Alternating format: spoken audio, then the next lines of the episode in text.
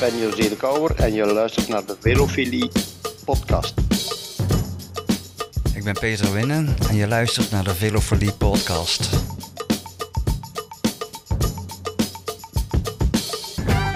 De Velofilie podcast.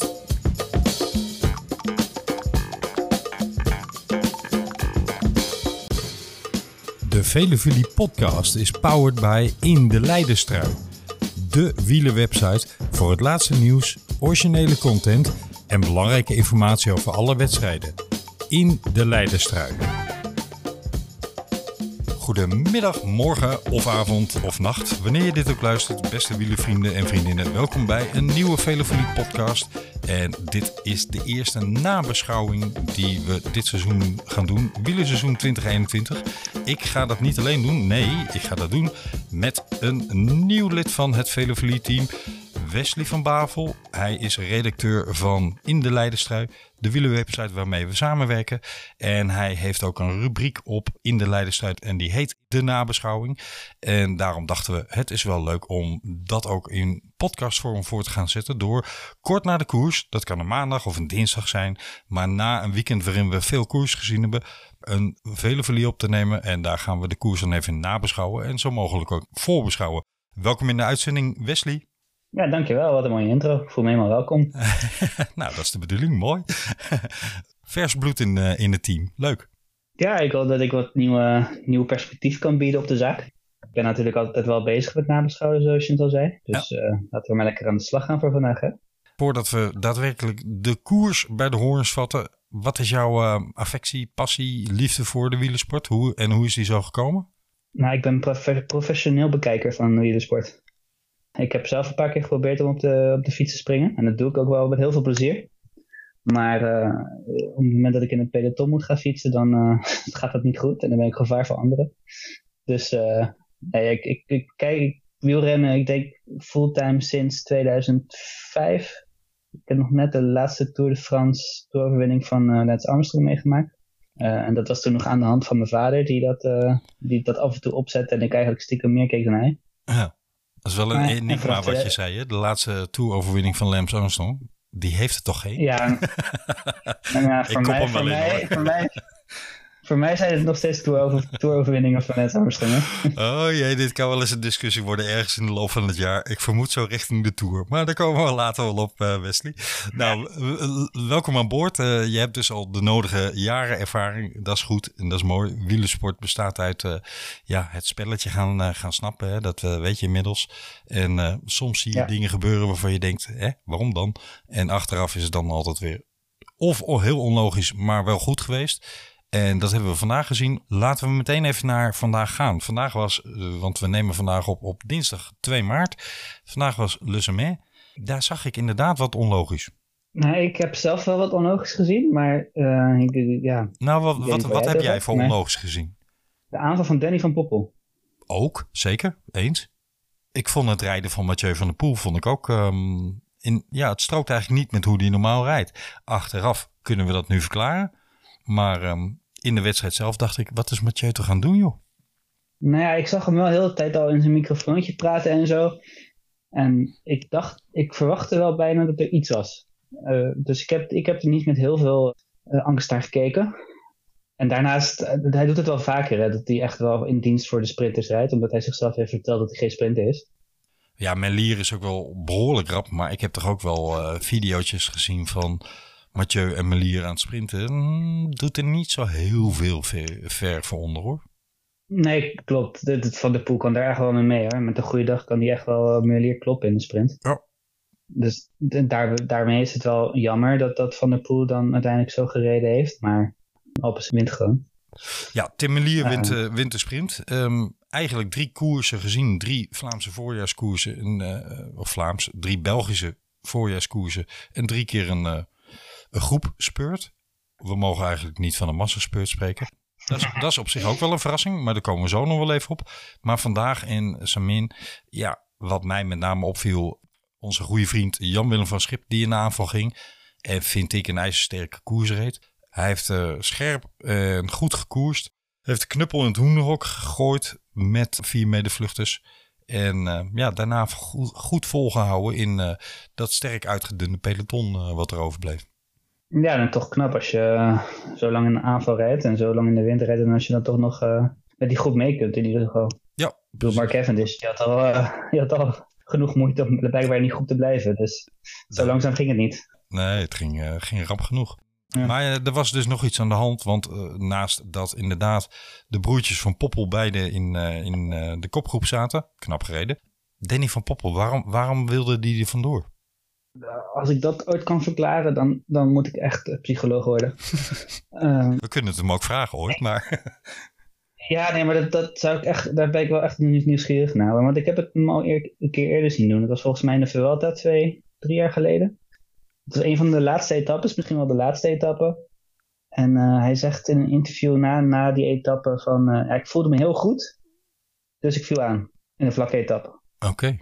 En ik denk, je bent sprinter van beroep. Als jij je goed voelt, moet je gaan sprinten. En dus niet op twee, drie kilometer van de meet gaan aanvallen. Toch? Of... Nee, tenzij je aanvoelt dat je de sprintbenen niet hebt om, om andere rappe mannen te kunnen verslaan op die dag. Nou zaten natuurlijk vandaag in Sommet wel een aantal rappe mannen in die, uh, in die kopgroep nog. Wil daar niet eens per se Cavendish onder, uh, onder noemen, want dat moest nog maar blijken. Maar ja, er was wel wat concurrentie. Achteraf gezien, als je de sprint ziet, nou ja, Melier wint hem uh, met, met overmacht. Ja, zo indrukwekkend vond ik het hele sprintgeheel te niet hoor. Nee, uh, Pascal werd derde geloof ik. Ja. Uh, of vierde. Ja, van, ja van, Mark, van Marken vierde volgens mij. Hè? Ja, en dat zegt genoeg, over, zegt genoeg over het uh, sprintersveld natuurlijk. Ik denk als Danny van Poppel gewoon zijn rust bewaart en niet uh, mee wil zitten op het einde. Dan, ja, dan was hij in ieder geval een stuk dichter bij Merlier geweest dan Pascalon nu heeft weten te bewerkstelligen. Dat denk ik ook, ja. Um, en daarbij komt, hij is bij Jumbo-Visma weggegaan omdat hij zichzelf sprinter vindt. Ja. Wacht dan ook een keer op die sprint. Ja, precies. Laat het dan ook zien. Vertrouw er dan ook op. Ja. ja. Eens. Ja, precies. Want anders kan je wel elke keer van die... Want hij, is, hij heeft volgens mij hartstikke goede benen. Ook, ook vorig jaar, of het jaar ervoor, dat, dat hij echt een paar keer goed mee zat met Gent-Wevelgem en, en dat soort koersen. Maar dan gaat hij op, op 80 kilometer van de meet gaat hij in een chasse patat zitten en rijdt hij eigenlijk nergens heen, wordt hij teruggegrepen door de groep en lost hij. Zou het een beetje faalangst zijn? Of, of dat het in zijn hoofd gaat zitten van... Uh, ik kan het niet, ik kan niet vertrouwen op mijn sprint? Ja, misschien. Want hij is natuurlijk wel een paar keer geklopt. Maar ja, hij, hij, hij, is, hij is niet langzaam hè, natuurlijk. Nee, uh. En als je vierde wordt tegen Gedwergem... of als je zevende wordt in de Ronde van Vlaanderen... uiteindelijk in een groepsprint... je kan het maar bijschrijven op je palmares, hè, zulke, zulke, zulke plekken zulke prestaties. Ja, en dan speelt ja, ook nog wel mee dat het uh, een x-aantal punten oplevert die goed bruikbaar zijn natuurlijk. Ja, ik ben zeker voor uh, want die uh, hypermarché. heel, ja, wacht even, dan wil ik de volledige naam graag horen.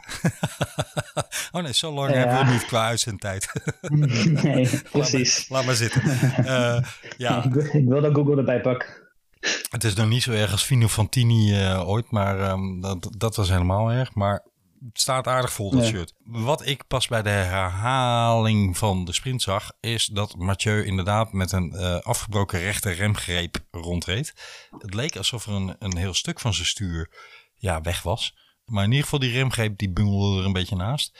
Dus um, dat maakt de, eigenlijk, vind ik, het, het, het, ja, het einddeel van zijn uh, optreden in Samin nog wel indrukwekkender. Want uh, hij zat goed bij zijn show in het wiel. Terwijl hij volgens mij toen al wel iets gemerkt moet hebben.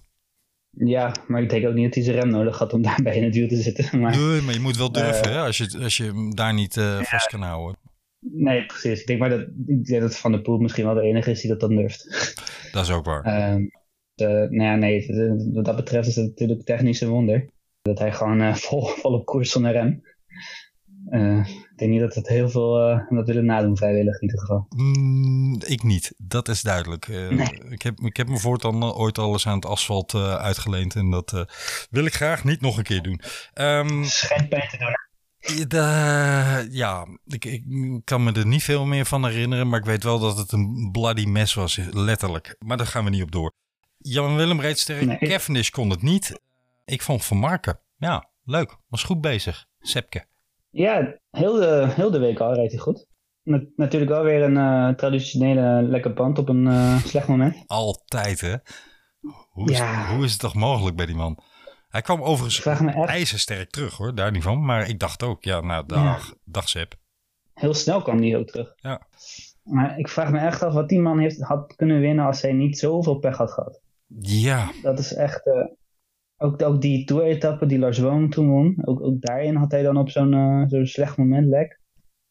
Maar goed, hij, eh, inderdaad, ook tijdens Kuurne. Of tijdens eh, de omloop was, was hij echt heel sterk. En dan nu weer. Ik ben echt wel benieuwd wat hij een iets zwaardere koersen kan doen. Want daar ja, kan hij toch iets meer verschil maken dan tussen de meer snellere renners in, van het pak. misschien toch een barretje extra in die bandjes erbij doen. Het is, Nee, ik gun het hem wel hoor. Ja, dat is het, hè. Juist misschien ook wel door al die pech die al... Die, ja, het is echt al vijf, zes, zeven jaar achter elkaar. Dat hij ehm, elk voorjaar weer... Komt hij iets tegen of hij Ja. valt vroeg in het seizoen... of hij is net weer met een comeback bezig van een blessure. Het is altijd iets in die trant, waardoor je elke keer denkt... Zo, knap, twee jaar geleden hè, dat, hij, eh, dat hij in Vlaanderen, toen Bettiol won... dat hij in Vlaanderen zo diep in de finale erbij zat. Nou, niemand had het volgens mij verwacht. Hij zelf volgens mij ook niet. Toen kwam hij ook weer van een blessure terug. Ja, dat, dat maakt dat hij een, hoog gun, een hoge gunfactor heeft. Maar ja, tegelijkertijd, hij wint hem nooit. Nee, nee, ik weet vijf jaar geleden of zo reed hij op kop Parijs-Roubaix vanaf eh, ja, een van de laatste kasseistroken. En ja, hij was echt dat jaar gewoon de sterkste. Hij was beter dan uh, Cancellara toen nog. Eh, beter dan Sagan. Maar op een, een of andere manier weet hij dan toch niet die grote vis binnen te halen. En ja, de laatste jaren is het wel gewoon elke keer weer raak met, met, met de pech. En nou, echt oprecht. Ik, heb wel echt, ik leef echt met hem mee. Dat is echt jammer. ik ook. Mooie koers vandaag, Samé. Kunnen we het zo samenvatten? Jawel, hè? Ja, zeker. En ook weer Olaf Koya die erbij zat. Ja, goed gereden. Wat mij, maar ik weet eigenlijk de oorzaak nog niet. Maar wat mij wel opviel was dat Nicky Terpstra niet heel veel gedaan heeft. Maar misschien had hij ook wel gewoon opgeschreven om, uh, om het als trainingskoers te gebruiken. Dat zou kunnen. Maar uh, kwam, Ja. niet, kwam niet echt in het stuk voor. Nou als we het hebben over van blessures terugkomen. Dan uh, Met, eh, mag die ook wel in de boeken, inderdaad. Ja, dat, ik denk dat hij nog wel een paar koersjes kan gebruiken om weer eh, op niveau te komen.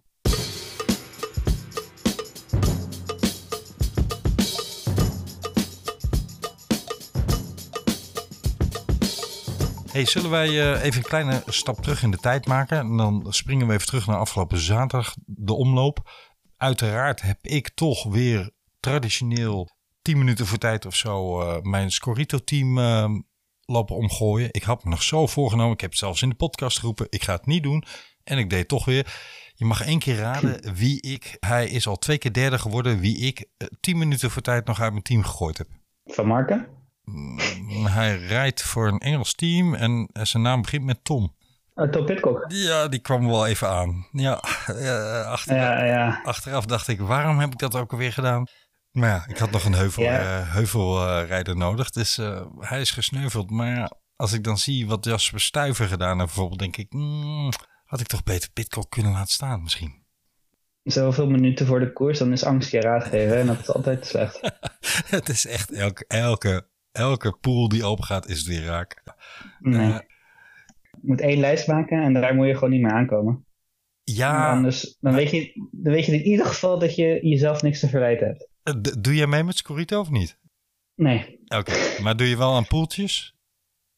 Ja, af en toe wel. Alleen ik, ik, ik, merk dat het dan, het kijken dan toch iets, iets minder rustgevend wordt. Ja, absoluut, ja. Nee, de ellende met Scorito is dat die poeltjes altijd een week of drie van tevoren open gaan. En eh, ja, dan ben ik altijd uh, kattenrap klaar met mijn team. Dat, is geen probleem. Maar dan raakt die geblesseerd en die zegt af en die wordt uh, ineens uit zes koersen teruggetrokken. En ja, zo door. Dus je blijft eigenlijk constant aan het veranderen. En op een gegeven moment denk je, wat was er ook weer van mijn oorspronkelijke gedachte over? Niet zoveel. Kun je eigenlijk weer opnieuw beginnen. En dan zie je namen staan waarvan je denkt, ja, ja, ja, past er nu eigenlijk niet meer tussen. Dus het nee. is, is echt een, uh, ja, een verduveld lastig spelletje. Wat helemaal in je hoofd gaat zitten. Zo werkt het tenminste bij mij. Maar ik bedenk me net, de eerstvolgende pool die open gaat, dat zal waarschijnlijk de Giro d'Italia zijn. Ga ik nu met iemand afspreken dat ik een dag van tevoren gewoon mijn telefoon inlever. nou, ik wil hem op zich wel voor je innemen hoor. Maar, uh... ja, dan moet ik, moet ik wel eerst even naar Rotterdam reizen. Dat is dan een klein nadeel, maar... ja, en dan moet je het ook nog zonder navigatie terugvinden, zonder je telefoon. Ja. Maar dat is het.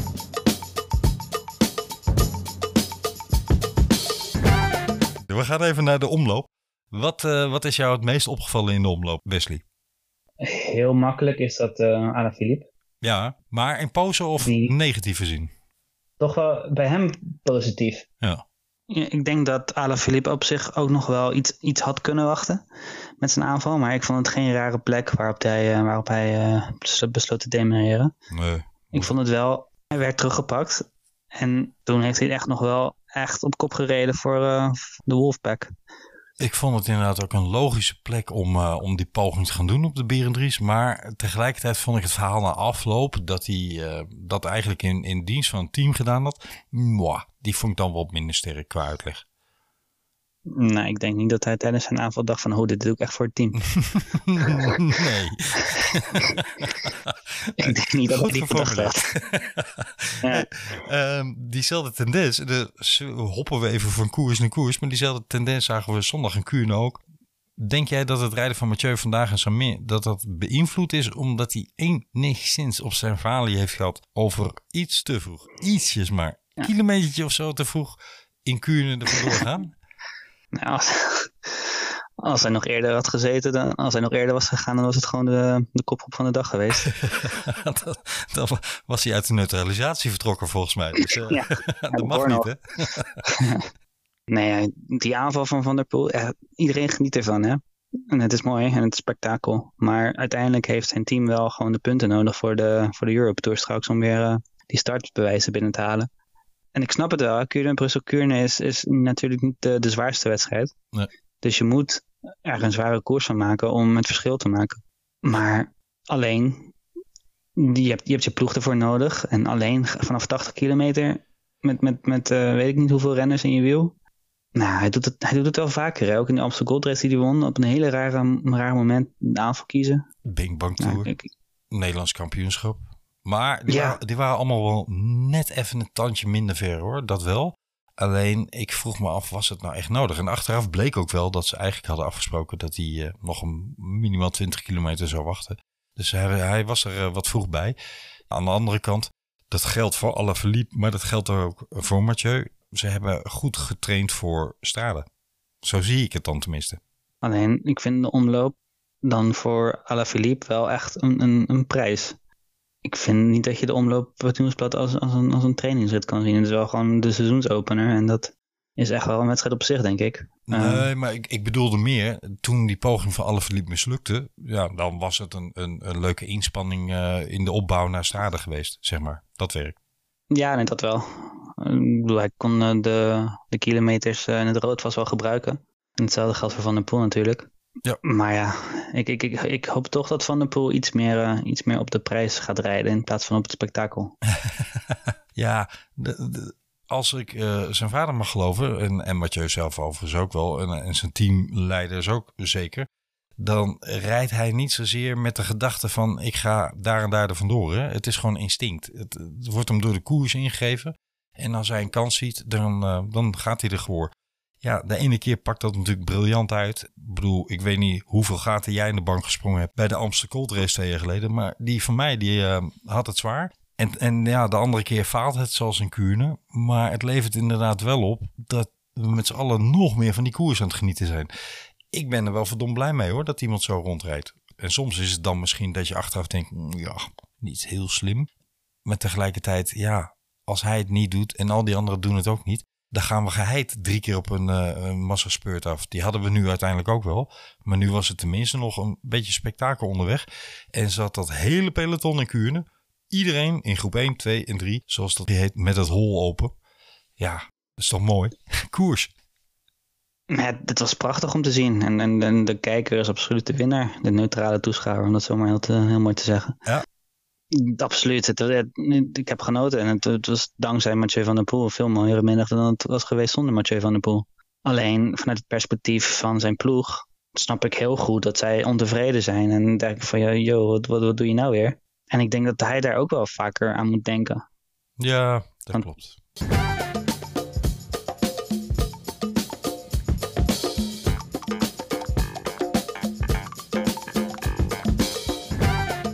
Als hij straden bijvoorbeeld zo rond gaat rijden, of althans als dit in straden zou gebeuren, dan zou ik wel iets, iets minder eh, nuchter reageren en iets minder enthousiast. Dan zou ik zeggen, daar had je toch echt even iets harder over na moeten denken. Nu denk ik wel dat Van Strade zo zwaar is dat hij daar niet aan denkt.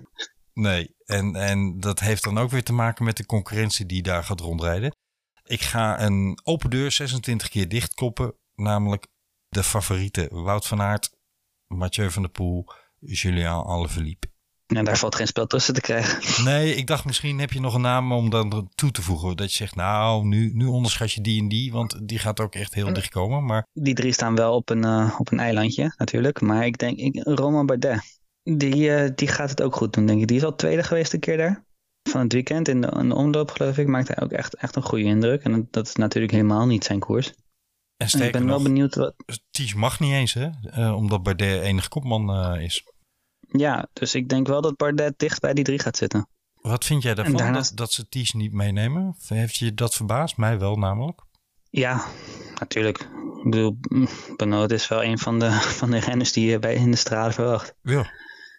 Nu moet ik wel zeggen dat met de komst van, eh, van de Poel en van Aert in dit soort wedstrijden en ook de ontwikkeling van Anna Philippe, maakt een renner als Benoot wel echt minder kansen. Ja. Want die, die aankomst is explosief. En ik denk niet dat Benoot Anna Philippe van de Poel en van Aert eraf gaat rijden. En in, in de sprint of in, in zo'n laatste kilometer, dan, dat, dat heeft Benoot echt niet in zijn benen. Dus, maar ja, Bardet ook niet eigenlijk. Nee, dus ik spreek zeggen- mezelf nu ook weer lekker tegen. Als je het vanuit ploegenspel bekijkt, dan, dan zou je juist denken... als je twee van die pionnen hebt die allebei eh Senna binnenrijden... die explosiviteit niet, niet gaan hebben. Tenminste, niet in de vorm waarin Alaphilippe Van de Poel of Wout van Aert het wel hebben. Ja, dan kun je beter zorgen dat je twee pionnen eh, in het spel vooruit kan schuiven. En dat, dat er dan maar achter ze aangereden moet worden. ja, misschien wel. Maar ze hebben nu ook eh Tijmen Arendsman, hè? Zeker. Die, eh, die schijnt ook, een, ook aan de start te staan daar. En die heeft het bij de, bij de belofte heel goed gedaan in, in Parijs-Roubaix.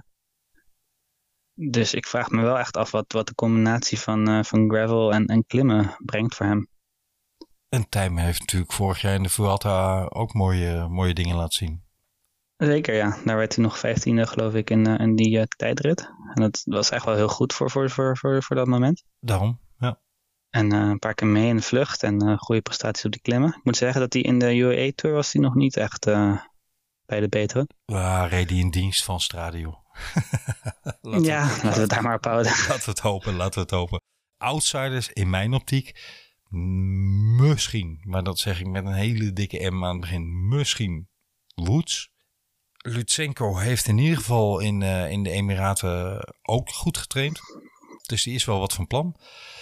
Ja, veel verder kom ik niet hoor, op dit moment. Vo- Vogelsang? Ja, Voelsang is altijd een van de, de, de kanshebbers. Maar die, die, ja, ik heb eigenlijk nog helemaal niks van hem gezien. Ik zou het je niet, Nee, durven, ik zou niet durven zeggen, staat hij er goed voor of niet? Geen idee. Nee, maar qua eendags, eendagswedstrijden hij de laatste jaren toch wel echt altijd eh, op de afspraak. Tuurlijk, tuurlijk. En in dat opzicht eh, zeker een naam die, eh, die, die nou ja, ik weet niet of, of we die bij de grote drie moeten aanschuiven. Maar zeker een van de vijf namen die je op moet opschrijven. Absoluut. Alleen Ja. of hij een van deze drie, trouwens, ja, dat geldt ook voor Wout van Aert hoor. Ik hoor wel goede berichten over waar die staat. Maar eh, ik heb hem ook nog geen meter zien koersen natuurlijk. Dus ja, is ook afwachten. Nee. Daar weten Maar hij we schijnt op Tenerife wel eh, alle, alle records uit de boeken gereden te hebben daar. dat. En we weten natuurlijk dat hij met een prima vorm uit Oostende het WK veldrijden gekomen is. Dus ehm, daar is niet zoveel mis mee. Daar hebben we wel enige indicatie van. Maar dat heb ik bij Volzang dus niet. En dat kan ook mijn gebrek aan kennis zijn hoor. Dat, ehm, maar eh, ik heb hem volgens mij nog geen meter zien koersen. Nee, maar ik weet ook niet of Vogelsang het nodig heeft. Hij eh, heeft volgens mij vaak genoeg bewezen dat hij eh, heel vaak gewoon meekomt met Alain Philippe in, eh, in de heuvelklassiekers. En wie En met zijn Alain Philippe. Voilà. Ja. Maar dat, dat, dat kwam niet door het, het gebrek aan vorm bij Vogelsang. Nee, dat is zo. Dat is zo. Dat geef ik je, geef ik je nou. Heb jij er net zo'n zin in als ik, Strada? Ik zou bijna een ticket boeken naar Italië. Oeh. Ik, ja, dat is echt mijn grootste droom om een keer bij de Strade aanwezig te zijn. Dat is echt, uh, dat is echt de mooiste koers voor mij, samen met Parijs-Roubaix. Maar uh, die, die, landschap, die landschap, landschap in Toscane en, en dan die witte wegen en dan stof of misschien wel modder. Ja, ik wou zeggen stof. Het schijnt uh, nu al drassig te zijn en de kans op regen is groot. Ja, dan, dan kunnen we Van de Poel en Van Aert wel helemaal een element zien, hè? dat wordt echt, uh, dat wordt gewoon Vlaanderen 2. De sequel. Ja, vergeet het. ja, zeker. Oostende all over again. ja, precies. Uh, we vergeten trouwens iemand, hè? Bouke. Mollema. Ja. Hij heeft wel uh, goede vorm laten zien. Maar, ja, precies. Maar laten we eerlijk zijn. Denk jij dat Mollema in deze vorm Mathieu eraf rijdt op de heuvels? Nee. Nou ja, hoewel. In de straden zijn er wel een paar heuvels die bijna richting het, uh, de klassificatie berg gaan. Jazeker. Dus als Mollema ergens in een eendagswedstrijd in het voorjaar uh, van de poeder af kan rijden, dan is dat wel in de straden. Ja. Ik denk dat dat nog net een iets zwaardere wedstrijd is dan, uh, dan leuk. Dus... Ik zit na te denken over wat je zegt en ik ben het wel redelijk met je eens. Ik zie alleen, ja, het komt dan toch aan op, op, op die, de, het laatste deel van het parcours en die aankomst in Siena. Uh, ja, hij, hij, Mollema zou dan te vroeg moeten gaan. Oh, maar ja, aan de andere kant, dat heeft hij in Lombardije ook gedaan. Althans, daar uh, leek het ook vrij vroeg te zijn. En daar reed hij een buitengewoon knappe finale. Dus ja, hij zou het wel kunnen. Ja, en in, in de Hovar won hij gewoon een sprint. Uh, ja, oké. Okay. Maar ik kan ook een sprint winnen. Het ligt eraan tegen wie ik sprint. nou, volgens, mij, volgens mij klopt hij daar nog best wel wat, wat, wat, uh, wat mooie naam hoor. Ja, hij heeft laten zien dat hij, uh, dat hij buitengewoon goed in vorm steekt. die gaan we zeker opschrijven bij de namen die de mensen in de gaten moeten houden. We wedden niet om geld, tenminste ik niet, jij. Maar als je ergens... Alleen met pokerkaarten. Ja, nou oké. Okay. laten we zeggen dat je tien fiches mag inzetten op één naam. Wie ga je dan inzetten? Van Aert. Van Aert. Ah, ik had ja. zo gehoopt dat jij een andere naam zou roepen. Want ik vrees namelijk dat je gelijk hebt. Ja, hoezeer uh, Tom Bonen nu ook roept dat Mathieu van der Poel uh, de favoriet is voor Strade Bianca. Ik ben toch bang dat het, uh, ja, van dit is zo in het element van Van Aert. En ik... ja, het, het, het, het, is ook wel even afwachten wat Van der Poel met zijn klimvermogen gedaan heeft. Want in Lombardije heeft hij me niet uh, teleurgesteld. Uh, zeker in uh, vergelijking met wat hij eerder deed in de, in de straden vorig jaar. In, in Lombardije afgelopen jaar bedoel je? Ja, ja reed hij toch bij de beste team mee en dat, dat waren wel serieuze beklim. Eens, maar toch ook op een respectabele drie minuten of meer nog, hè, was het volgens mij. Dus het, hij deed niet mee om, om het podium op dat moment. Maar nee, dat is waar. ten opzichte van de eerdere Italië-koersen was dat een serieuze stap naar voren, een verbetering. Ja, als ik een beetje terugdenk aan uh, het WK in Engeland, uh, dan, dan denk ik dat Strade toch wel een tandje zwaarder is. Wat betreft het aantal klimmeters wat afgelegd moet worden. Dan is weer in het voordeel als het nat zou liggen dat Mathieu daar beter en behendiger in is dan menig ander. Dus daar, daar verliest hij minder energie mee. Maar Vorig jaar was hij overtraind toen hij die Italiaanse campagne reed. Hè. Had hij het veel gedaan in de corona-lockdown. Dus ik, ik denk wel dat hij stappen vooruit gedaan heeft. En um, dat hij wel geleerd heeft van wat er fout ging. Zowel op het WK in Engeland als uh, in zijn voorjaarscampagne vorig jaar in Italië. Die natuurlijk midden in de zomer was, daar niet van. Maar toch, ik denk wel dat Mathieu een serieuze stap gemaakt heeft. Maar ik ben toch bang en ik denk dat Van de Aert op dit moment ook nog completer is dan Alaphilippe voor specifiek Strade Bianca. Ja. En ik denk als het regent, als het gaat regenen, dan raakt iedereen gewoon, behalve Van de Poel en Van Aert, gewoon buiten tijd. omdat die twee zo hard gaan bedoel je? Of om, ja. omdat de rest zo gedemotiveerd ja, ja. raakt? Ja, dat kan allebei natuurlijk. Nou ja, dat, ik bedoel, dat is natuurlijk er gaat nooit een betere wedstrijd zijn voor Van der Poel en Van Aert dan een natte Strade Bianca. Parijs-Roubaix nat? Iets minder nog, denk ik, dan Strade. Ja? Die afdalingen die er dan nog zijn in de Strade. Ja, dat is zo. Daar moet je meer risico nemen en durven nemen. Ja, dat is ja. ja. Nu is het wel zo natuurlijk dat dat materiaalpech ook wel erg om de hoek ligt in de Strade Bianca. Dus ik denk dat we daar ook niet te veel al, al ons geld op één naam moeten zetten. Uh, zoals ik net wel gedaan heb met Van Aert. Ja, alle tien fiches. Hey, als we toch een paar ja. namen moeten noemen. Kwiatkowski. Ja, nee, dat is inderdaad ook wel een, een, iemand die je bij de beste tien kan verwachten. Hij is ook technisch genoeg om die, of, om die afdalingen te nemen. Ja. Maar hij gaat ook niet... Uh, ik zal nooit zijn achtervolging vergeten in Amsterdam Gold Race. Die heeft gewoon uh, een half uur lang op 10 seconden gereden. Wordt dan voorbij gevlogen door Van der Poel. Ja, oké. Okay. Maar ja, die reed natuurlijk ook wel een hele vreemde finale. Hè, door um, uiteindelijk bij uh, Alaphilippe en Fuglsang te komen. En toen ook de kop over te nemen. Dat je echt denkt, ja oké, okay. dan, dan, dan schakel je jezelf natuurlijk ook volledig uit. Is wel voormalig wereldkampioen, hè. Dus um, we zijn het een beetje vergeten eigenlijk. Is toch van een hoog niveau eendagse coureur geweest. En nog steeds. Hij wordt alleen een beetje overschaduwd door de, de nieuwe, jongere generatie. Ja, en het feit natuurlijk dat hij echt in de knechtenrol is gedoken daar bij Ineos. Ja. He sold out, zeggen ze dan in het Engels. De Velofilie Podcast.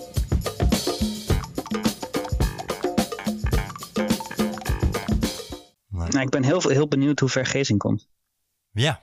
Jij, hij gaat, hij gaat, jij wil een warm betoog doen over, voor Gezing, hè? Ja, zeker. Hij, van Aert is natuurlijk de kopman. Maar ik, ik volg Gezing ook wel stiekem op Instagram. En hij is echt heel vaak in de weer met zijn mountainbike. Ja. En dat vindt hij stiekem heel leuk. En misschien is hij er ook wel heel goed in. En ik vind het dus ook wel echt prachtig dat hij gaat starten in de straden. En ik ben heel nieuwsgierig wat hij, hoe ver hij daar kan komen. Of hij misschien wel in de schaduw van Van Aert in de top 10 kan eindigen. Uh, volgens mij gedijt hij wel beter bij zwaardere koers. En ik denk dat hij daar zaterdag wel alle, wow. alle middelen voor heeft. Ja. In, in welk scenario zie jij uh, Geesink eventueel winnen, Wesley? Of zie je dat helemaal niet? In mijn dromen. Ja, oké. Okay. buiten dat? nee, ja ik, ja, ik bedoel, als Van Aert als ze samen zijn nog met een, met een groep van 15 en Van Aert zit erbij en Gezink, die rijdt op een vlak stukje weg. En ja, wie gaat Van Aert dan terugrijden naar voren? Ik vraag het me af als er alleen nog maar eenlingen zitten. Het, ja, het is natuurlijk een heel lastig scenario, maar ja, er is het nadert ook wel het onmogelijke. die dat durft, bedenk ik me nu. En dat is Mathieu van der Poel. Die zou, ja, waarschijnlijk wel. Ja, die zou de sprong wagen met Van Aert in zijn wiel. Ja, dus het is, de, Gezink heeft 0,0000001% kans. Oh, maar goed, dit, dat, dit doet dat was ook genoeg om content door te schorsen. Ja, ik wou net zeggen, dit doet een beetje aan een Spaanse ja. oud-coureur denken, deze uitspraak. Oeh. Ja, pistolero. Zero, zero, zero, zero, chinken. Dat, uh, dat schuiven we terzijde. We gaan uh, hopelijk genieten komende zaterdag, mensen. Hè? Vergis je niet, zaterdag. Het is mij ooit wel eens gebeurd dat ik op zondag de tv aandeed en dacht Oh ja, zaterdag. Ja, dan ben je te veel afgeleid. En heb je te weinig focus op de koers. En dat mag nooit gebeuren. We gaan zaterdag genieten van een uh, hopelijk prachtige koers. Ik hoop voor die mannen, eerlijk gezegd, dat het niet te nat ligt. Want dat gaat een hel worden hoor. Wil je dat niet zien? Ja, ik wil het wel zien. Maar ik hoop voor die mannen die je moet rijden dat het niet zo is. Ik wil het wel zien. Kijk, ik hoop ook elk jaar op een uh, keinatte uh, Parijs-Roubaix. Maar tegelijkertijd is het eigenlijk bijna een moordaanslag hè, om dat te willen. Maar mijn wielerhart zegt, laat het maar de meest spectaculaire koers uh, worden die het kan zijn. En dan zet ik er een potje bier naast en kijk ik met veel genoegen. Ja, wel vroeger al, de koers voor bier. Of uh, kan het gewoon op zaterdag? Ja, bij koers moet altijd kunnen, vind ik. Oké, okay, nou, dat doe ik met je mee. Ja, kijk, als je op Sparta begint met kijken bij, het, bij, het, startschot, dan zit je wat aan de vroege limiet. maar... Moet je misschien een, met een wijntje beginnen bij de lunch. als, je, als je enigszins richting de finale besluit dat de spanning zo hoog oploopt, nou ja, dan vind ik toch, moet kunnen. Ja, dacht het wel. Lekker man. hey, we gaan genieten. Wesley, dankjewel. Zeker. Um, wij uh, vinden en treffen elkaar snel weer in uh, de volgende uitzending. Dat zal zeer waarschijnlijk begin volgende week zijn als we op straten gaan terugkijken. Zeker, ja. Ja. En ik heb, ik heb zoveel zin in de straat, dus eh, ik zal genoeg materiaal hebben waarschijnlijk. Ik ook. Ik eh, leg pen en bloknoot neer. En eh, ik vond het leuk dat je je debuut hebt gemaakt. Nogmaals welkom. Ik hoop dat je het zelf ook leuk gevonden hebt. En eh, wij spreken elkaar heel snel weer. Beste luisteraars, als jullie nou ook leuk vinden om Velofilie te volgen, abonneer je dan even via Spotify of Apple Podcast. En als je een recensie op Apple Podcast wilt plaatsen, helemaal geweldig. Hoe meer recensies, hoe beter de podcast te vinden is voor anderen. Zo schijnt het te werken. Wij hebben ook een pagina op het leukste platform voor podcasten in Nederland, namelijk Vriend van de Show. Als je naar www.vriendvandeshow.nl slash velofilie gaat, dan kun je ook daar eh, je tekst en commentaar kwijt op onze uitzendingen. Maar nog belangrijker, je kunt er ook een donatie doen. Waardeer je nou wat wij doen, dan eh, laat dat blijken door vriend van de show te worden. Eh, met een donatie ja, kunnen wij gewoon weer meer leuke uitzendingen maken. Alvast dank daarvoor. We zijn er snel weer. En voor nu, geniet van de koers zaterdag. Adios.